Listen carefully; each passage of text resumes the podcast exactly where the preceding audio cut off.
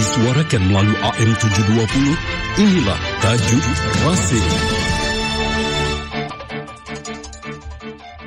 Tajuk Radio Silaturahim edisi Kamis 7 Jumadil Awal 1444 Hijriah bertepatan dengan 1 Desember 2023. Diberi judul Menjaga Pikiran di Era Kebohongan.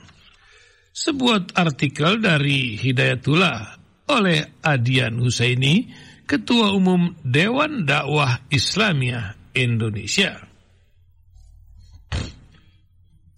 Nabi Muhammad Wasallam pernah memperingatkan kita semua dengan sabdanya, akan datang pada umat manusia tahun-tahun yang penuh kebohongan. Saat itu pembohong dianggap orang jujur, orang jujur dianggap pembohong, pengkhianat dianggap sebagai orang amanah Orang amanah dianggap pengkhianat. Dan yang berbicara kepada masyarakat adalah Al-Ruwaibidah.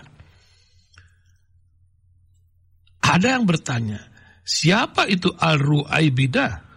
Rasulullah Sallallahu Alaihi Wasallam menjawab, orang bodoh yang memegang urusan masyarakat. Demikian hadis riwayat Hakim. Apakah zaman yang digambarkan oleh Rasulullah Sallallahu Alaihi Wasallam itu sudah tiba saat ini? Wallahu a'lam. Yang jelas, kita saat ini telah memasuki satu masa yang dikenal sebagai era post-truth, zaman pasca kebenaran, atau era yang melampaui kebenaran. Tidak ada lagi setelah kebenaran kecuali kebohongan. Istilah post-truth mulai terkenal setelah kamus Oxford menempatkan kata itu sebagai kata fenomenal pada tahun 2016. Word of the Year 2016. Di era post-truth atau era kebohongan, sesuatu berita diterima oleh lebih karena faktor emosi. Meskipun tanpa didukung fakta yang memadai, cek dan recheck tidak diutamakan lagi.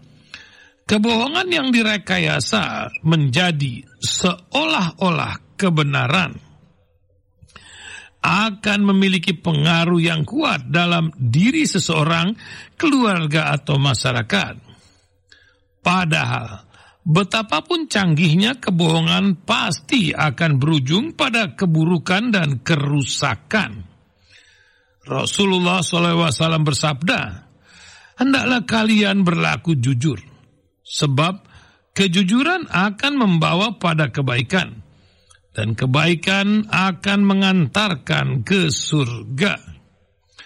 Jauhilah dusta, sebab dusta mengantarkan pada kejahatan, dan kejahatan mengantarkan ke neraka. Hadis riwayat Bukhari dan Muslim.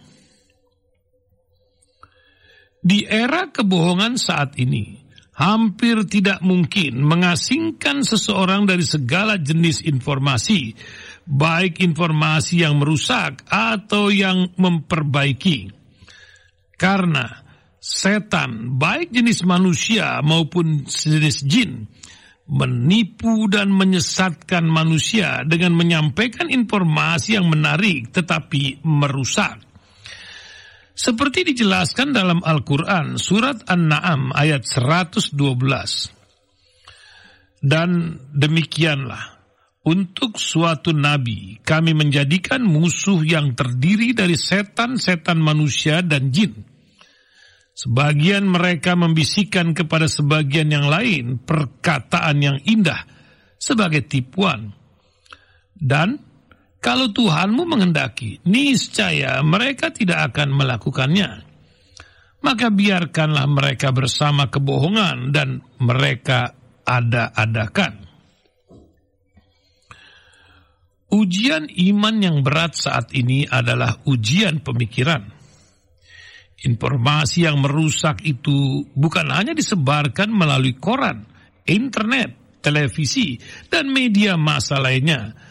Tetapi ada kalanya informasi yang salah itu juga dikemas dengan indah, lalu disampaikan dengan canggih dan sistematis dalam buku-buku ajaran di semua jenjang pendidikan, khususnya perguruan tinggi.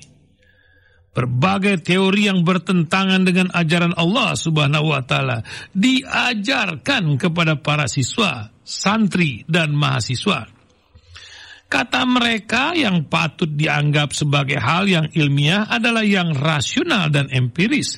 Sementara Al-Quran tidak dianggap sebagai sumber ilmu yang otoritatif. Maka terjadilah kekacauan ilmu, confusing of knowledge, yang berujung pada hilangnya adab dalam kehidupan pribadi, keluarga, dan masyarakat.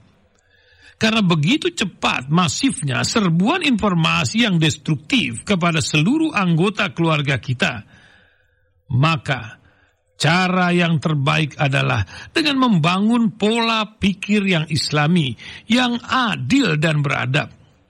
Inilah pentingnya setiap muslim memiliki Islamic worldwide, yakni cara pandang yang Islam terhadap realitas. Islamic worldview akan terbentuk pada diri setiap muslim.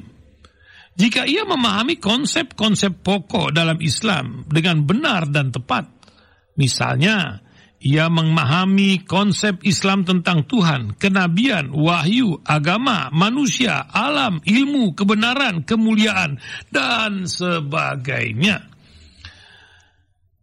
Misalnya Al-Quran mengajarkan bahwa orang paling mulia dalam pandangan Allah adalah yang bertakwa. Sekaya apa pun seorang pelacur atau koruptor, sepopuler apa pun pelaku maksiat, dan setinggi apa pun jabatan orang kafir, fasik dan zolim, derajat mereka tidak lebih tinggi dari seorang guru ngaji yang ikhlas dan soleh di pelosok-pelosok kampung. Maka patut kita ingat sekali lagi peringatan Allah Subhanahu wa taala. Dan demikianlah kami jadikan untuk setiap nabi ada musuh, yaitu setan dari jenis manusia dan setan dari jenis jin yang mereka membisikkan kata-kata indah sukraful koili untuk menipu manusia Demikian tertera di Quran surat Al-An'am 112. Jadi, di era post-truth, di mana virus-virus kebohongan sedang mewabah, penjagaan terhadap pikiran kita pun perlu dilakukan dengan sungguh-sungguh. Jika kita harus menjaga tubuh kita agar tidak terinfeksi virus atau bakteri tertentu, maka jiwa atau pikiran kita pun perlu dirawat dan dijaga agar pikiran kita sehat dan iman kita selamat. Wallahu a'lam bissawab.